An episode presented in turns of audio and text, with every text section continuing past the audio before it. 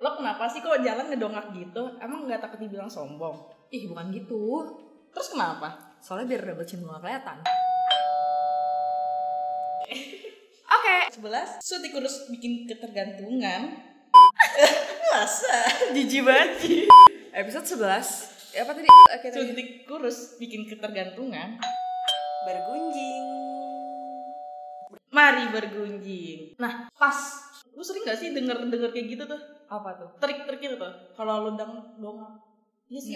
Eh, gue eh, gue itu mendengar triknya adalah nahan napas biar perutnya nggak gundui gundui Gendut. Iya sih. Kayak ini biasanya dipakai oleh teknik bapak-bapak. Iya teknik bapak-bapak kalau misalnya pengen pakai baju yang agak-agak ketat dikit, Iya, nah yang itu- slim fit. yang slim fit itu biar masih terlihat oke di umur yang sekian itu hmm, tahan napas. Napas. Nggak cuma nih bapak-bapak sih sebenarnya. Iya, gue juga Cewek-cewek kalau foto sih, kalau foto tuh kayak mukanya menahan napas, terus agak-agak jinjit sedikit biar kelihatan tinggi ya. Pokoknya apa pun itu diusahakan biar hasil fotonya oke. Betul banget. Nah, tadi dari lemak di perut, double chin, itu kan kayak tumpuk-tumpukan lemak yang suka bikin gak pede gak sih? Iya. Di ini juga nih di apa namanya? Tangan ya apa sih? Lengan ya, lengan, lengan. Kalau Lengan cewek-cewek biasanya nutupnya lengan. gimana? Foto di balik temennya. Iya. Oh iya, iya banget sumpah iya banget. Foto di balik temen tuh emang kurang ajar ya orang-orang. Sekarang tuh zaman sekarang tuh penuh trik ya. Iya penuh trik. Wah itu kalau foto harus dulu-duluan siapa yang di tengah. Karena Betul. cewek pasti nggak mau dapet pinggir, nggak mau kelihatan gendut. Emang bener-bener ya. Jadi harus buru-buru gitu. Nah, mungkin dari hal-hal itu kali ya, dari lemak-lemak, tumpukan lemak yang bikin gak percaya diri, orang tuh kepingin nih, gimana sih hilangin lemak-lemak di tempat-tempat yang bikin kita gak pede. Iya tapi eh, zaman sekarang juga mungkin di saat aktivitas yang padat gitu-gitu kalau misalnya kayak gitu kan harus olahraga kan harus eh, kalau mau kelihatan mengurangi lemak ya harus olahraga secara teratur nah makanya banyak juga yang ada shortcut shortcutnya nih biar ngurangin si lemak-lemak tadi Betul. Kayak, apa ya? Kayak yang ini, episode yang akan kita bahas ini, suntik kurus. Iya. Nah, selain suntik kurus sebenarnya juga ada sih kayak pil kurus gitu. Kayak kita bahas di sini. Iya, kita akan kita akan nanya-nanya nanti ya oleh orang yang lebih paham. Kenapa orang lebih memilih shortcut tadi? Ya karena sebenarnya sih kalau misalnya gue ya, ya capek nggak sih lo udah kerja berapa jam tuh dari jam 9 sampai jam 5 misalnya. Iya, 9 to 5 Iya, banget. 9 to 5 banget emang budak korporat. Terus abis itu lo harus belum lagi kalau misalnya ada lo lembur. Terus mungkin lo juga udah capek karena misalnya dengan melewati jalanan Jakarta yang luar biasa macetnya, nanti kepikiran kalau misalnya gue nyampe rumah jam berapa. Ya udah capek kalau misalnya lo harus ditambah olahraga lagi. Maka kalau misalnya ada shortcut yaitu suntik kurus di tempat klinik-klinik, kenapa enggak gitu. Jadi kayak mungkin alasan oke itu alasan-alasan yang dipakai kali ya kayak Iya. memang lu udah budak korporat 9 sampai jam 5 sore atau kebalik nih 9 malam sampai jam 5 pagi. Waduh, itu budak apa tuh? Oh, beda, beda, beda. Nah, mungkin emang iya sih. Orang jadi susah uang yang buat olahraga yang proper ya. Iya. Tapi kalau menurut gue itu bukan salah satu alasan juga sih. Lo kalau mau buat olahraga, banyak kok. Dari Youtube pun bisa lo zumba sendiri. Iya, tapi sebenarnya yang penting kalau kayak gitu gimana ya? Kalau misalnya Zumba sendiri target-target otot yang dituju itu tuh kurang dapat gitu ngerti gak sih? Misalnya contoh kalau misalnya Oh, kita- lemak-lemak yang emang Eh, ingin disentil lo, gitu ya. Lo mau lo mau ngebentuk apa nih? Oh, abs gitu kan. Mau ngebentuk abs ya ada latihannya sendiri gitu. Kalau misalnya emang cuman Zumba ketua- ketual ketuil ketual ketuil gitu, itu hanya membakar lemak tanpa membentuk masa otot lo gitu loh yang mau kebentuk ngerti gak sih maksud gue? Tapi kenapa lo lebih, lo lebih pilih jalan itu? Maksudnya kayak itu kan sakit, kayak disuntik. Mendingan lo olahraga. Lo walaupun lo capek, tapi lo seneng hasilnya. Endorfin lo meningkat. Beauty is pain ya. Oh, oh. Kata beberapa orang. Kata beberapa orang. Tapi Iya sih. Iya kan, kalau misalnya lo suntik, nih, lo harus pertama, effortnya menurut gue lebih gede lagi dibanding lo olahraga yang lo enjoy, lo punya mungkin teman baru, teman olahraga baru, teman sehat. Eh, kalau lo olahraga juga dibanding suntik ya. Tapi gue gak menjelekkan suntik juga. Tapi kalau menurut gue, gue sih lebih pro orang yang olahraga ataupun diet. Soalnya kalau menurut gue kalau dengan suntik itu lo lebih effort lagi kayak lo harus biaya uang yang dikuatkan lebih gede lagi, cari orangnya lagi yang menurut lo terpercaya dan lo harus disuntik gitu. Iya. Sakit. Gue sih anti jarum-jarum ya. Kalau tapi kayak ada yang cepet loh kalau misalnya olahraga ya tergantung ada orang yang olah, mau olahraga seolahraga apa pun kayak kok nggak kurus-kurus gitu ya. Ya seperti saya. ya, ya ini berarti ngincer uh, happy happynya ya happy Oh, happynya. iya. olahraga. Ya ada orang yang udah olahraga kok nggak kurus kurus ya salah satu eh, alternatifnya ya bisa jadi suntik kurus itu. Tapi asal di tempat yang aman ya gue gue juga gue juga nggak menganjurkan untuk kayak suntik kurus di tempat-tempat yang gak jelas ya harus dilihat dulu dong tempatnya di mana yang nyuntik siapa apakah emang bener-bener tersertifikasi atau tidak yang gitu-gitu dan bahan-bahannya apa Oke, jadi emang dibutuhkan jiwa-jiwa intel kalau menurut lo? Iya kayak ya kita kalau misalnya mau melakukan sesuatu harus riset dulu ini bahan yang dipakai tuh apa di tempat itu aman nggak dan tanya-tanya sih ke ahlinya. Tapi kan efek samping mungkin kan dihasilkan dari suntik kurus gimana? Kayak mungkin oke rasa sakit tuh pasti lah ya jarum lo disuntik gitu. Kedua mungkin lebam-lebam bisa jadi tidak. Ya mungkin ya. Ya, maksudnya kayak lo ya udah sakit lebam. Yang penting bakal beberapa hari sih. Gimana? Eh, kalau misalnya gue sih ya semua obat tuh pasti ada efek sampingnya. Olahraga kebanyakan pun ada efek sampingnya gitu kan. Eh, ya asal makanya itu asal tadi kita di tempat yang benar dan kandungan-kandungannya juga aman. Nanya-nanya efek sampingnya apa, ya ya udah lo memilih jalan itu lo siap dengan efek sampingnya gitu. Nanti kita tanya, tanyain juga tuh perlu ditanya efek sampingnya emang apa aja. Lo terima nggak akan konsekuensi efek samping itu? Aman nggak sih buat lo gitu. Oke, kalau emang bikin jiwa intelnya bener sih harus harus pilih-pilih. Tapi menurut gue itu kan emang bersifatnya fana nggak sih? Iya fana. maksudnya cepet gitu ya maksud efek-efek Iya, dari yang gue denger-denger gunjingannya kayak oke lo suntik cepet kurus tapi abis itu lo bakal balik lagi nggak sih ke hal eh ke hal ke badan berikutnya? kalau nggak dikontrol ya kan? Jadi emang yang gue tahu sih suntik kurus itu nggak cuman sekali. Jadi emang lo nggak bisa sekali suntik langsung kurus. Pasti ada eh, dalam berapa minggu suntik lagi suntik lagi suntik lagi untuk memaintain itu. Dan sebenarnya ya gaya hidup lo mungkin juga harus diatur kali ya gue nggak tahu sih hal itu Nah kalau kayak gitu karena lo bilang kalau udah sekali suntik lo harus suntik lagi suntik lagi artinya kayak suntik bikin ketergantungan dong. ya itu bukan ketergantungan sih sama aja kayak Iya dong ketergantungan dong. Kalau sekali udah sekali suntik lo harus suntik berikutnya. itu paketan cuy Ya tetep dong artinya kayak lo nggak bisa Ya. putus tiba-tiba kayak Eh, itu bukan ketergantungan namanya nggak sih Oke oke gak selesai selesai nih. Gimana dilurusin sama narasumber? oke Lurus aja ya. Hai Sobs, balik lagi ke segmen 2 dari podcast Bergunjing Kali ini akan ditemani oleh narasumber terbaru kita Yaitu adalah Dr. Dian Permatasari, spesialis gizi klinik Selamat siang Dr. Dian Selamat siang, apa kabar? Baik dokter, dokter juga gimana kabarnya dok? sehat-sehat.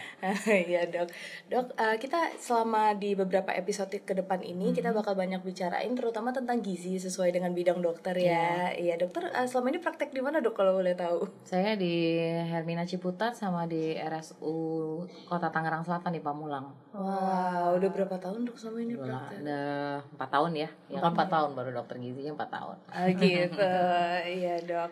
Ya dengan 4 tahun ini pengalaman pasti juga udah lebih banyak lah ya dok. Ya, tapi nggak belum sesenior itu ya. Ya lumayan lah alhamdulillah. Masih belajar juga. iya dok. Mengingat tentang gizi ya dok. Kayak aku mengangkat dari kisah-kisah para teman-teman, apalagi golongan milenial cewek-cewek nih dok. Kan kepacu banget nih sekarang-sekarang ini orang-orang tuh tentang body shaming. Terus akhirnya mereka terpacu ya udah deh pengen badannya bagus, tapi suka lupa tuh kalau misalkan mau badan bagus, mereka lupa kalau misalkan untuk bagus itu setidaknya bisa dipacu atau dibantu dengan cara-cara yang sehat. Beberapa dari mereka ada juga yang melakukan suntik kurus tuh dok. Boleh tahu nggak dok? Eh, aku juga sebenarnya pengalaman sih dok suntik kurus gitu. Tapi aku belum pernah dapat penjelasan kayak suntik kurus itu kandungannya tuh apa aja. Hmm, oke. Jadi bukan lupa mungkin ya, karena kan memang kalau sekarang kalau segala sesuatunya pengen instan termasuk diet. Ya, jadi kan kalau misalnya diet yang instan tuh kayaknya semua menggiurkan ya. Jadi cara apa pun ditempuh untuk uh, supaya bagaimana bisa kurus dan langsing dan cantik dalam waktu yang singkat termasuk salah satunya dengan cara uh, suntik kurus ini atau yang biasa disebutnya uh, meso ya. Nah, kalau suntik kurus ini sebenarnya uh, rekomendasi yang evidence based tuh belum ada gitu. Terus uh, termasuk juga di antara cairan-cairannya yang digunakan juga sebenarnya evidence base-nya untuk langsung untuk bikin dia kurus itu juga sebenarnya evidence base-nya belum ada. Jadi uh, yang sudah ada evidence base-nya malah kalau untuk meso ini untuk mengurangi nyeri yang seperti seperti itu. Hmm. Tapi kalau untuk secara langsung untuk menurunkan berat badan dengan meso atau suntik kurus itu sebenarnya belum ada. Hmm. Gitu. Hmm. Hmm. Tapi kalau suntik kurus ini uh, digunain sama para millennials itu kira-kira hmm. ada efek sampingnya nggak sih dok? Hmm, efek samping jangka panjang itu juga belum terlihat. Uh, penelitiannya belum ada jangka panjang ke depannya apa. Cuma kalau jangka pendeknya ya yang namanya memasukkan sesuatu atau zat di dalam, terutama kan di dalam bawah kulit, di dalam lapisan lemak di bawah kulit itu ya. Uh, nyeri udah pasti. Hmm walaupun nyerinya eh, nggak uh, akan lama gitu ya. Kemudian beberapa ya ada yang meninggalkan bekas di situ. Tapi beberapa juga ada yang mual ada yang pusing. Ya gejala-gejala seperti itu kan uh, umum terjadi. Ya paling hanya sebatas itu efek sampingnya. Cuma kalau untuk efek samping jangka panjang ke depannya memang penelitiannya belum ada. Hmm gitu dok. Tapi uh, sama ini sih dok. Pernah waktu itu juga aku ketemu dengan seorang dokter. Terus hmm. uh, beliau menyebutkan kalau misalkan salah satu kandungannya ada yang disebut sebagai furosemid Mm-hmm. Sedangkan furosemid itu kalau setahu aku dok itu kan dia yang mengeluarkan air ya, cairan ya, dalam betul. tubuh. Mm-hmm. Berarti sebenarnya apakah itu mengeluarkan lemak atau mengeluarkan cairan dok? Ya. Gitu. Sesuai dengan indikasinya ya, furosemid itu kan memang untuk mengeluarkan cairan. Hmm. Uh, biasanya memang digunakan pada pasien-pasien dengan penyakit ginjal atau penyakit jantung yang memang kondisinya sedang bengkak, ya kan? Jadi memang harusnya memang cairan yang dikeluarkan. Nah, furosemid sendiri untuk uh, penurunan berat badan bahkan sebenarnya dia nggak harus injeksi untuk penurunan berat badan tuh mm, banyak yang memang menggunakan dokter-dokter yang menggunakan untuk menurunkan berat badan ya tapi itu yang keluar ya pasti air lah bukan lemak sedangkan kalau untuk menurunkan berat badan kan kita tujuannya untuk mengurangi lemak gitu hmm. jadi nggak pada tempatnya ya sebenarnya furosemid untuk menurunkan berat badan gitu. Nah, terus dok, selain suntik tuh sebenarnya aku sering lihat tuh di komen-komen IG ada hmm. misalnya suplemen kurus. Nah, hmm. itu gimana tuh dok? Nah, uh, suplemen kurus itu juga banyak banget sekarang beredar dan kita harus tahu dulu sebenarnya itu isinya apa, kandungannya apa. Itu suplemennya tuh ada yang susu yang buat kurus, ada macam-macam ya mungkin berbagai macam eh, zat-zat uh, lainnya yang kita harus tahu itu apa. Karena sebenarnya obat yang untuk menurunkan berat badan tuh ada tapi memang hanya dua jenis yang di approve. Oh. Yang sesuai evidence base hanya ada dua jenis obat untuk menurunkan berat badan. Itu yang harus dikonsultasikan juga ya ke dokter gizi terutama. Oh, hmm. jadi sebenarnya ada. Ada, tapi ya obat yang paling aman dan yang obat yang direkomendasikan memang hanya dua jenis obat. Gitu. Hmm, gitu dan nggak beredar secara luas ya dok Betul, ya? harus dalam pengawasan dan seharusnya memang tidak beredar secara luas. Jadi memang untuk menurunkan berat badan itu ada tahapnya, ada tuh piramid-piramid untuk menurunkan berat badan. Paling bawah itu adalah lifestyle changes kan, uh, dengan diet gitu, kemudian dengan olahraga. Nah, nanti naik dia dengan obat-obatan, naik lagi dengan pembedahan pun juga ada. Tapi kan memang harus sesuai stagingnya gitu, sesuai oh. indikasi. Iya, berarti tapi, memang tahap pertama itu kita. Yang harus... utama adalah memang harus uh, mengubah pola hidup hmm. gitu, dari dietnya terutama sama ya olahraga. Karena kan yang memang terbaik ya dengan dengan cara itu ya cara yang sehat. Karena kan tujuannya mau diet sendiri itu apa? Kalau ke depannya memang tujuannya untuk sehat ya berarti kan yang harus dirubah adalah pola hidupnya yang harus sehat dulu gitu. Jadi kalau cara-cara instan ya biasanya ya hasilnya juga instan ke depannya juga akhirnya juga jadi instan gitu. Nggak bertahan lama. Benar-benar. Gitu uh, mengingat tadi kan ada beberapa macam pilihan ya dok kalau hmm. misalkan untuk menurunkan berat badan tapi kalau cara yang instan itu salah duanya bisa obat hmm. bisa juga suntik hmm. uh, kira-kira dok kalau dalam memilih tindakan ini sebelumnya kira-kira apa sih yang harus kita perhatikan dulu untuk menggunakan obat-obatan atau suntik. Mm-hmm. Uh, ya ada indikasinya mungkin pasien-pasien yang dengan obesitas uh, kan obesitas ada grade 1, ada grade 2, ada obesitas morbid kan sesuai dengan indeks massa tubuhnya. Ya kita lihat misalnya dia obes pertama ternyata dia uh, udah lifestyle eh, perubahan pola hidup mungkin sudah 3 sampai 6 bulan tapi turunnya belum maksimal atau belum mencapai target bisa ditambah obat gitu. Terus misalnya nanti eh, pakai obat juga belum berhasil, ya mungkin ada obat-obat yang lainnya juga bisa ditambahkan. Tapi eh, bisa ya kan bisa ada cara lain seperti akupuntur yang lebih aman gitu loh. Atau kalau yang suntik kurus ini ya kan seperti tadi saya bilang memang belum direkomendasikan gitu untuk menurunkan berat badan. Gitu. Tapi setidaknya dari suntik kurus ini memang efek jangka panjangnya yang membahayakan bagi tubuh itu masih ya belum itu masih belum ada belum ada penelitian jangka panjangnya Hmm. gitu.